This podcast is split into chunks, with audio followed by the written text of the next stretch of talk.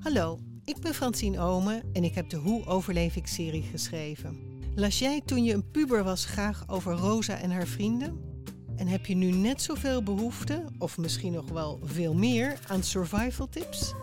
Luister dan naar Hoe overleef ik de podcast.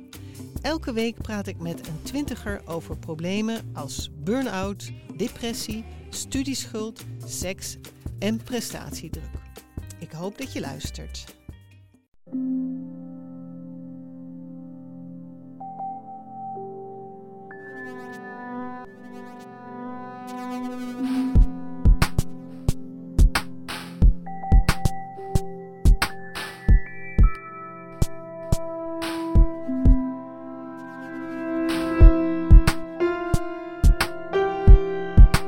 Welkom bij Relaas, waarin een mens zoals jij en ik een verhaal vertelt over iets dat hij zelf heeft meegemaakt.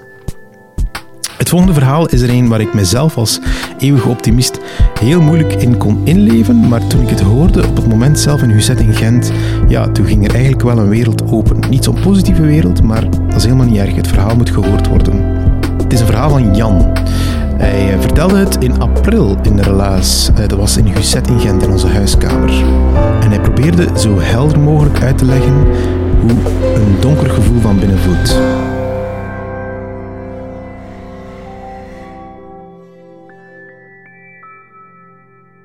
Kent je zo van die mensen die precies een perfect leventje lijken te hebben? Waar alles vlot loopt en je ziet ook vaak op Facebook foto's passeren van mooie reizen, van gelukkige momenten. Ah, wel, eigenlijk, die soort mensen, ik vind die eigenlijk redelijk creepy. Die, eh, ik vind dat, ik, als ik die ontmoet, probeer ik altijd zo snel mogelijk te zoeken naar waar zit de kwetsbaarheid of wat is zo er, er, er kruisje of er huisje. En als ik dat niet meteen vind, dan word ik daar een ja, een beetje nerveus van. En eigenlijk, als ik bekennen, als ik 25 jaar was, ik ben nu 29, dan eh, was ik eigenlijk ook zo. Ehm, ik had eh, een relatie van vijf, zes jaar dan, eh, stabiel. We hadden ook juist een huis gekocht, dus dat was ook al een stap. En ehm, ik had een goede job aan de UNIF als onderzoeker. Ehm, dat was een mooie job. Ik had veel vrienden, ik ging vaak weg, eh, ik, ik, ik, ging vaak naar concerten ook. Ik speelde ook muziek in een band, dus eigenlijk alle redenen om gelukkig te zijn, maar eh, blijkbaar was dat toch ergens niet vol te houden of zo. En langzaamaan ben ik eh, in een depressie gesukkeld. Ehm, die zomer, als ik 25 was, dat is vier zomers geleden, ben ik verliefd geworden op iemand anders, die niet mijn vriendin was dus. En ehm, dat bracht mij helemaal in de war. Want eh, ik, ik, had het gevoel dat ik wel dat ik van die beide vrouwen of meisjes hield. En ik wou die eh, allebei hebben. En dat was eigenlijk een beslissing of een keuze dat ik gewoon niet kon maken. En eh, dat deed mij ook dan weer nadenken over alle keuzes dat ik in het verleden heb gemaakt in mijn leven. En ik had het gevoel dat ik daar niet echt had bij stilgestaan. Dat ik zo'n beetje op automatische piloot had geleefd. Dat ik niet echt, dat ik niet echt wakker was of zo. En door na te denken over van alles in mijn leven vielen zo alle zekerheden weg. Dat stortte zo allemaal langzaam in. En ehm, ja, de maanden gingen wat verder. En eh, ja, ik, ik, werd, ik werd triestiger en triestiger. Of, ik had zo heel emotionele buien. En eh, ja, ik, ik kreeg een heel laag zelfbeeld van mijzelf. En, maar het was vooral, denk ik, de situatie eh, met mijn vriendin dan en die andere, andere meisje ik verliefd op was, die mij toch wel tot de wanhoop dreef. En tegen het einde van, van dat jaar, in december, tegen de kerstperiode, ehm, ehm, leek het eigenlijk een, eh, eh, eh, ja, bijna een, een, aannemelijk idee om er gewoon uit het leven te stappen en er gewoon mee te stoppen. En dan zou al, al de pijn en het verdriet gewoon weg zijn in één knip. Maar gelukkig heb ik dat niet gedaan en zit ik hier. Ehm, wat ik wel heb gedaan is. eh, ik, heb, ik, heb, ik heb nog bij, even bij mijn ouders geweest toen. eh, ook even bij mijn broer gewoond, bij een goede vriendin. Zelf ook nog even eh, apart, allee, alleen gaan wonen op, een klein stoffig kotje van 4 meter op 3 meter. En het gekke eraan is dat ik ook nog ondertussen ging gaan werken aan de NIF, elke dag. Uh, met een soort van pokerface, of waarschijnlijk met een glimlach op mijn gezicht, wat ik ook heel, eigenlijk ook wel creepy is. En ehm, dat was zo wat het probleem. Er was te veel verschil tussen mijn binnenkant en mijn buitenkant. Uh, ik had precies een binnenwereld en een buitenwereld en die waren zo verschillend. Uh, in feite, de echte Jan, had ik het gevoel, die zat zelf niet in mij, die was precies twee meter, drie meter van mij verwijderd. Was ik, ik, ik kende die niet en ik wou die wel beter leren kennen, maar dat was zo ver. Uh, die afstand was zo groot. Uh, wat ik dan wel heb gedaan, en wat een van mijn betere beslissingen was, was in, in psychotherapie gaan. En uh, dat was ongeveer, het was dan nieuwjaar en dan drie maanden later in maart of zo. En gelukkig was die klik daar met die therapeuten. En ik ben uiteindelijk 2,5 jaar wekelijks in therapie geweest. En eigenlijk in het begin was dat heel... Um, gezien dat die situatie zo emotioneel turbulent was en ik ondertussen nog ging gaan werken en ook nog half bij mijn vriendin woonde en zo, was dat heel verwarrend allemaal. En eigenlijk was dat gewoon um, proberen te overleven of verder te gaan. Uh, want alles was heel uitputtend. En ik deed eigenlijk niet anders dan wekelijks vooral mijn verhaal van de week doen en zo gewoon alles eruit te gooien. En eigenlijk zei gewoon, ja, probeer ergens zo houvast te zoeken of stabilisatie. Het heeft denk ik pas een jaar of zo geduurd eer dat we aan deftige, aan deftige bedoel, eer dat we een beetje konden beginnen werken aan mijzelf, samen, dus ik en de therapeuten. Um, ik denk, uh, uh, die emotionele, turbulente, vol twijfelperiode is dan uh, langzaamaan een beetje gaan veranderen. Ook omdat ik dan uiteindelijk toch de sprong heb gewaagd om, om, ja, om uiteen te gaan met mijn vriendin en voor de andere meisje te kiezen. Niet dat dat de, zaken veel makkelijker maakte, maar toch. Uh, en het probleem was dan dat de emoties begonnen af te vlakken. En dan begon ik echt een beetje af te zakken in de depressie en alles werd zo uh, leeg en hol van binnen. Dat is heel moeilijk om dat uit te leggen, maar dat waren gewoon... Desondanks dat ik ging gaan werken dan nog, voelde ik me gewoon heel... Er zijn gewoon geen positieve of negatieve emoties meer, alles wordt zo heel uh, mat. En ik deed nog altijd dingen, ik ging nog, ik ging nog weg of ik speelde zelf nog muziek, maar ik had het gevoel dat mijn contacten met de mensen ook niet meer echt waren, dat ik gewoon een soort van personage aan het spelen was, of een soort van gigantische muur of schild of schil rond mij had. En dat ik zo probeerde verder te geraken. Um, uiteraard houde dat ook niet zo lang vol. En uh, dan ben ik ongeveer een jaar nadat de neerwaartse spiraal begonnen is, ben ik uh, ook gestopt met werken, omdat ik het gewoon niet meer aankon. Want alles was zo heel, heel vermoeiend en uitputtend. En dan zat ik thuis en dan was zelf gewoon buiten gaan naar de, de buurtwinkel die eigenlijk schuins over mijn huis is, gewoon te lastig. Uh, kon ik gewoon niet buiten gaan. Ik dacht, dat, dat sociaal contact met die mensen aan de kassa was gewoon al te veel of zo voor mij. Ik kon dat niet, kon dat niet aan. En je weet echt wel dat je niet goed bezig bent wanneer dat je uh, s'avonds je, je, deur op slot wilt doen, omdat je gaat gaan slapen en merkt dat eigenlijk de deur nog altijd op slot is, omdat je niet bent buiten geweest en dat je nog altijd je, je of je slaapkleren hebt van de vorige nacht. En ja, dat was zo in. Dus dat was niet, het is niet dat ik maanden heb binnengezeten of zo, maar dat was zo... Uh, ik weet niet, dat kwam in, in vlagen of in, buien.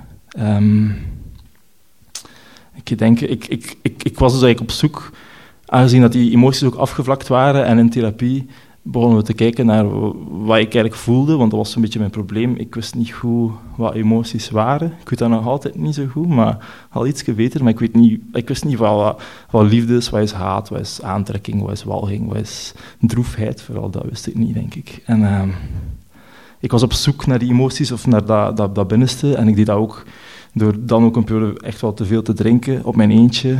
En dan ook alcohol te combineren met muziek. Nog zo'n drug. En... Uh, dat was ik eigenlijk via muziek op zoek naar zo dat, ja, die emoties of dat, verdriet. En uh, door een bepaald nummer op te leggen, een bepaalde plaat of een bepaald stukje, een nummer dat ik wist dat mij droevig kon maken. Maar ja, dat was echt wanhopig zoeken naar emoties, naar, naar, naar hevige, ja, moet ik het zeggen, hevige stimuli of zo. En um, ja, was een, uh, moeilijke periode, uiteraard. Um, zoals ik zei, na ongeveer een jaar, denk ik, ik kan er moeilijk tijd op plakken, want dat was allemaal zo'n heel grote waas. Alles is zo mistig. In die periode, als ik echt diep zat, dan heb je niet echt een toekomst of zo. Er is geen week nadien, er is ook zelf geen morgen, er is zelf geen volgend uur. Alles is precies zo'n dikke mist waar je zo moet doorwaden. En gelukkig zijn er nog enkele lichtjes, uh, waaronder ook de therapeuten die zo van u daardoor probeert te helpen. Maar langzaamaan begonnen we wel uh, naar de kern te graven en te kijken hoe dat ik, wie dat ik eigenlijk ben, want dat, naar dat was ik op zoek. En hoe dat ik was in het verleden en nu en hoe ik mij gedraag in verschillende contexten en omstandigheden. Om zo een beetje te proberen achterhalen wat dat ik, wie dat ik ben en wat dat ik eigenlijk wou en waar ik naartoe wou. En um, dat was goed, dat was goed. Maar een van de dingen, als je wat dieper begint te graven, is ook dat je daar wat nadelen begint van te krijgen, want je begint over van alles na te denken. En ik stel echt alles in vraag. Uh, ja, wie, wie, zijn mijn vrienden nog? En zijn dat wel mijn vrienden? Mijn familie? Heb, ik daar iets aan? Uh, ja, wie ben ik? Alles, alles werd gewoon in vraag gesteld, dus alles was gewoon... Onder, er was gewoon geen, geen vloer onder mijn voeten. Um, en ook een van de dingen dat ik dan kreeg, een van de, van de effecten daarvan, denk ik, van dat dieper graven, was een soort van uh, angstaanvallen of een soort van uh, bevriezen of zo. En ik, ik weet nog dat ik, dat ik hier in Brussel was met, mijn, met, met dat nieuw meisje, met mijn toenmalig lief, want ik had wel nog een lief, of arme dat meisje. En, uh, en um, ik weet nog, ik was in Brussel en ik wou naar de tentoonstelling gaan van Michael Bormans toen in de Beaux-Arts. En ik wou dat eigenlijk echt wel heel graag, want ik was geïnteresseerd, maar zij wou dat niet echt. En ik had nog niet echt geleerd om te communiceren wat ik eigenlijk wou en niet wou. En dat was heel tijd nadenken van, ah, we hebben niet zoveel tijd meer en we gaan er niet meer geraken. En hoe gaan we daar geraken? En ik wel nog genoeg tijd hebben om heel de tentoonstelling te zien. Ik ga dan niet te veel moeten rushen als ik nu te lang wacht. En wil ze dat eigenlijk wel? En waarom wil ze dat eigenlijk niet? Uh, is, is dat wel een goed lief? Past die wel bij mij? Of ben ik te egoïstisch? Misschien ben ik geen goed lief. Misschien ben ik gewoon slecht in relaties. Want ja, die vorige relatie was ook al mislukt. En misschien ben ik gewoon een slecht mens. Dat zal misschien dat zijn. Misschien ben ik gewoon waardeloos en niets waard. En wat denken de mensen van mij? Die zien dat allemaal. Wat denkt die hond hier van mij? Weet ik veel. Dat, dat blijft komen en uh, uiteindelijk... Um, dat, dat, slaat gewoon tilt. En uh, dan, dan bevroor ik, ging ik gewoon eigenlijk letterlijk uh, trager gaan, gaan wandelen of, of, of, zat ik stil en dan kon ik gewoon niet meer, niet echt meer bewegen met mijn hoofd naar beneden en dan blokte ik gewoon alles af, geluid, beeld, whatever. En dat duurde vaak lang dat ik daaruit geraakte. Soms denk ik wel een kwartier of een half uur. Dus ondanks dat mensen die mij nogthans graag zagen, probeerden, dat lukte niet. Uh, gelukkig had ik ook zo uh, een pilletje altijd bij op zak, zo'n angsthemmer om mij zo wat losser te krijgen. Maar dat was wel uh, niet zo'n fijne periode. je begint dan ook te twijfelen of dat je niet inderdaad ook antidepressiva moet nemen of medicatie. Ik heb dat nooit gedaan trouwens. Maar dat is denk ik een persoonlijke keuze. Um, Hmm. Maar je begint echt te denken dat je eigenlijk zelf misschien wel gek bent en zo. En heel het concept van gek en niet gek, dat wordt allemaal heel vaag. Ik heb ook een paar keer echt overwogen om mij te laten opnemen in, een psychiatrie of in een kliniek of ergens waar ik tot rust kon komen. Want ik had echt wel rust nodig en ik kon niet tot rust komen, ook al was ik werkloos. En dat is ook nog, nog een heel verhaal, want werkloos, dat, dat stigma en zo, dat voelt je dan natuurlijk ook. Um, maar bon, langzaamaan had ik dan ook na ongeveer een half jaar werkloos zijn, begon ik dan ook uh, uh, vrijwilligerswerk te doen in mijn buurt. Uh, vrijwilligerswerk, dat was mensen met, werken met mensen die, die ja, kwetsbare mensen in armoede, of dan ook later mensen zonder papieren, met vluchtelingen. En dat sprak mij wel aan. En dat gaf me eigenlijk zo'n beetje weer een gevoel dat ik iets kon, iets kon betekenen, of een soort van ja, een, een, een lijn die ik kon vasthouden. En langzaamaan kwam, kwam, kwam het zo weer een beetje terug. En ik weet nog goed, een moment dat ik in de zomer, en dat is dus twee zomers nadat ik verliefd was gewoon op dat meisje en dat heel, heel het spel was begonnen, um, dat ik aan het lopen was. En ik loop altijd met muziek, of vaak met muziek. En ik was ergens aan de Schelde aan het lopen, ter hoogte van de Gentbrugse Meersen. En het was goed weer, een beetje like zondag nu.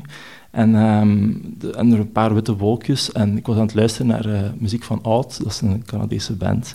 En die hadden dan juist een nieuw album. En ik, ik, ik, ik leerde het album wat kennen en, ik voelde echt zo die muziek. En uh, het tweede liedje, More Than Any Other Day, dat, ik weet nog goed, dat sprak mij heel hard aan. Ik denk, dat bouwt zo heel traag op. En hoewel die zanger zo'n beetje een cynische toon heeft of zo, ik weet niet goed wat hij het wel meent, maar er klonk zoiets van positiviteit in zijn stem en zo een, een, kracht en een vuur dat ik ook wou hebben. En dat eigenlijk ergens een klein vlammetje of zo in mij ont, ontvlammen.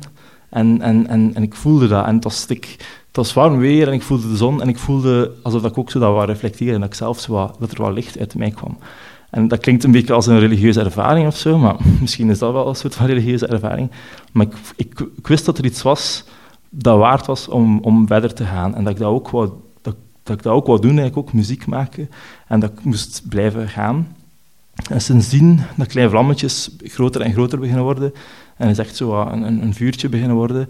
En mijn, passie en mijn idee van wat ik wou en hoe dat ik wou leven, werd, werd, uh, uh, beter en beter. En, en, of sterker en sterker. En via dat vrijwilligerswerk heb ik dan uiteindelijk ook, na, na toch wel ja, een jaar werkloos zijn, een job gevonden in de sociale sector. En ik merkte ook dat, die, dat, dat werken met mensen en mensen helpen, dat dat mij lag. Uh, ook omdat ik daar zelf veel van krijg, omdat dat mij voedde. Uh, en dat dat ook zo blijkbaar mijn talent was, gewoon om, zo, ik weet niet, om te voelen en te helpen, dat, dat sprak mij aan. Uh, dat vuur, dat was ook ik had ook in mijn, in mijn muziek of zo. Ik, heb zo, ik, ik speel wel muziek en dat maakte mij eigenlijk niet veel meer uit. Of sindsdien maakt dat mij niet veel meer uit of dat echt veel mensen daar luisteren of niet, wat die daar vinden of niet. Ik probeer daar gewoon mijn emoties of mijn verhaal in te steken. En dat werd ergens heel bevrijdend of zo. En het is zo die bevrijding, of ik weet niet, dat, vuur en dat licht of zo, dat ik daar wil insteken. En uh, dat is heel tof. Uh, op een ander vlak ook ben ik anders gaan omgaan, denk ik, met mijn vrienden en de mensen uh, rondom mij, of mijn collega's, whatever. En door mij opener op te stellen, want dat moest ik wel leren om mij wat meer uh, kwetsbaar te tonen. En ik heb echt wel geleerd dat als je je kwetsbaar opstelt, dat je dat ook altijd, bijna altijd terugkrijgt. Als je toont dat je je niet goed voelt of je niet zeker voelt, dat eigenlijk die andere dat wel als hij een psychopaat is of zo, dan, uh, dan gaat hij wel meevoelen en dan ga je dat terugkrijgen bijna altijd. En uh, dat is ook zo een van mijn motto's geworden. En ik heb ook, ook met mijn familie, hebben we, met mijn gezin, hebben we, leren praten met elkaar na 27 jaar of zo. Deftig leren praten, gelijk volwassenen, en niet over dwaze dingen, gelijk geld of zo. En echt praten over hoe dat we ons voelen en voelden, vooral ook over vroeger. Uh, dat was veel, werk, dat is allemaal heel uitputtend om zo wat die, moet ik zeggen, die dynamiek te veranderen dat je hebt uh, met je broer, je vader, je moeder. Uh, maar dat is nu veel beter. En uh, ik denk, een van de, de dingen dat mij ook wel is bijgebleven, is een boek dat mij was aangeraden door mijn therapeute van Irvin Jalom, dat is een, psychiater, een psycholoog. En dat gaat over doodsangst. En wat doodsangst eigenlijk is, is dat mensen op het moment dat ze gaan sterven of weten dat ze gaan sterven, dat ze terugkijken op het leven en beseffen dat ze hun leven niet hebben geleefd zoals ze, dat ze het wouden geleefd hebben. Dat ze bepaalde keuzes hebben gemaakt of niet hebben gemaakt, waar eigenlijk niet tevreden mee zijn. Ze wel willen een andere opleiding volgen of een andere job, of niet bij die man of vrouw blijven, of uh, toch naar Chili gaan of zo, weet ik veel. En dat je eigenlijk, de les die ik daaruit trok, is gewoon dat je moet proberen uh, hier en nu te leven en proberen, ja, toch ergens dat je hart te volgen of te doen wat je graag wilt doen. En um, een ander ding in dat boek, wat ik ook heel tof, uh, of heel inspirerend vond, was het ripple effect. En het ripple effect, dat is wanneer je een steentje gooit in een, in een plas of in een vijver, dan heb je zo'n plontje en dan heb je zo rimpelingen die daarvan uitkomen. Uh, op zich, um, hij stelde dat zo'n een actie dat je doet, dat kan iets, iets kleins zijn, hè? een gebaar, eh, iets dat je geeft, iets dat je zegt, hoe dat je je gedraagt.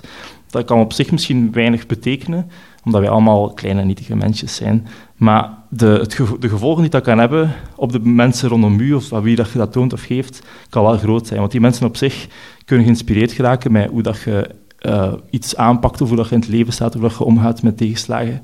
En die kunnen op zich dan ook weer mensen beïnvloeden. En dat ripple effect, ik vond dat heel... Uh, ja, inspirerend of troostend eigenlijk. En hoopvol en een reden om, om, om, om ervoor te gaan of om verder te leven.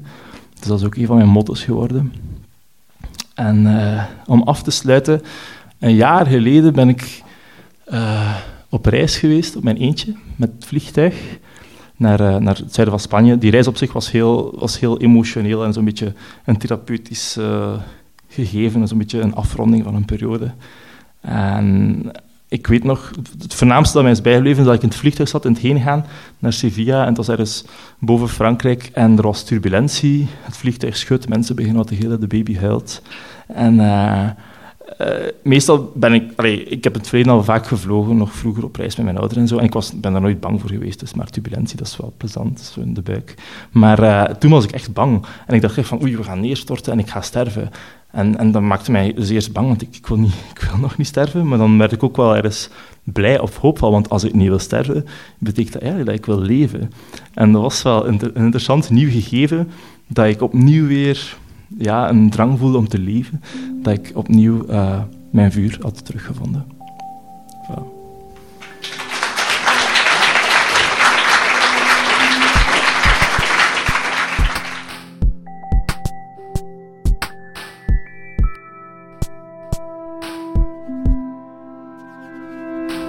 Dat was het relaas van Jan. Hij vertelde het helemaal op het einde als afsluiter op een van onze geweldige vertelavonden in Hussein in Gent. En je moet je dan voorstellen, het publiek krijgt op zo'n vertelavond vier verhalen na elkaar voorgeschoteld. En toen Jan drie kwart ver was in zijn verhaal, dan dacht ik even, wow, moeten wij straks op die manier opnieuw de straten van Gent op? Maar gelukkig eindigde hij zijn verhaal heel mooi, met een aantal lichtpunten en werd het uiteindelijk een heel inspirerend verhaal over toch wel de minder leuke kanten van het leven. En hoe je daar toch kracht uit kunt putten. En ik denk dat het wel herkenbaar zal zijn. Eh, dus als je zelf je erin herkent, of je herkent er iemand anders in en je denkt, oh, dat is wel iemand die goed kan vertellen, dan mag je ons die altijd tippen. Dat mag een groot verhaal zijn, een klein verhaal, maakt niet uit. Je kan ons tippen via www.relaas.be of via onze Facebook. Of stuur ons gewoon een berichtje. Dat kan allemaal. Ehm, als je naar een van onze vertelavonden wil komen of je wil uh, vragen stellen over de podcast, dat kan ook allemaal relaas.be of onze Facebook. Wij zijn er dankzij Stad Gent, dat wist je al. Onze partners zijn Urgent FM, Pulp Deluxe en REC. Relaas wordt gemaakt door een hele hoop mensen. Uh, Dieter van Huffel, Timo van de Voorde, Sarah Latré, Philippe Cox, Evert Saver, Charlotte Huigen, Marilyn Michels, Helena Verheijen, Anne van de Abelen, Kenny Vermeulen en ondertussen ook Anneleen Schelstraten, uh, Julie van Bogaert en Sarah de Moor. Dankzij jullie ook natuurlijk. Jullie zijn onze luisteraars, zonder jullie geen relaas. Vertel andere mensen over onze vertelavonden en onze podcast, dat helpt ons vooruit.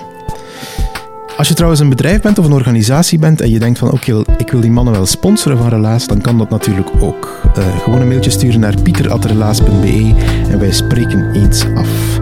Je bereikt er meer dan 1300 mensen mee per aflevering op dit moment. Like ons op Facebook, gewoon relaas intypen. Abonneer je op onze podcast, dat kan via Soundcloud of iTunes. Laat onze waardering achter op iTunes of een comment. Op die manier komt onze podcast hoger in de ranking. Dankjewel om te luisteren.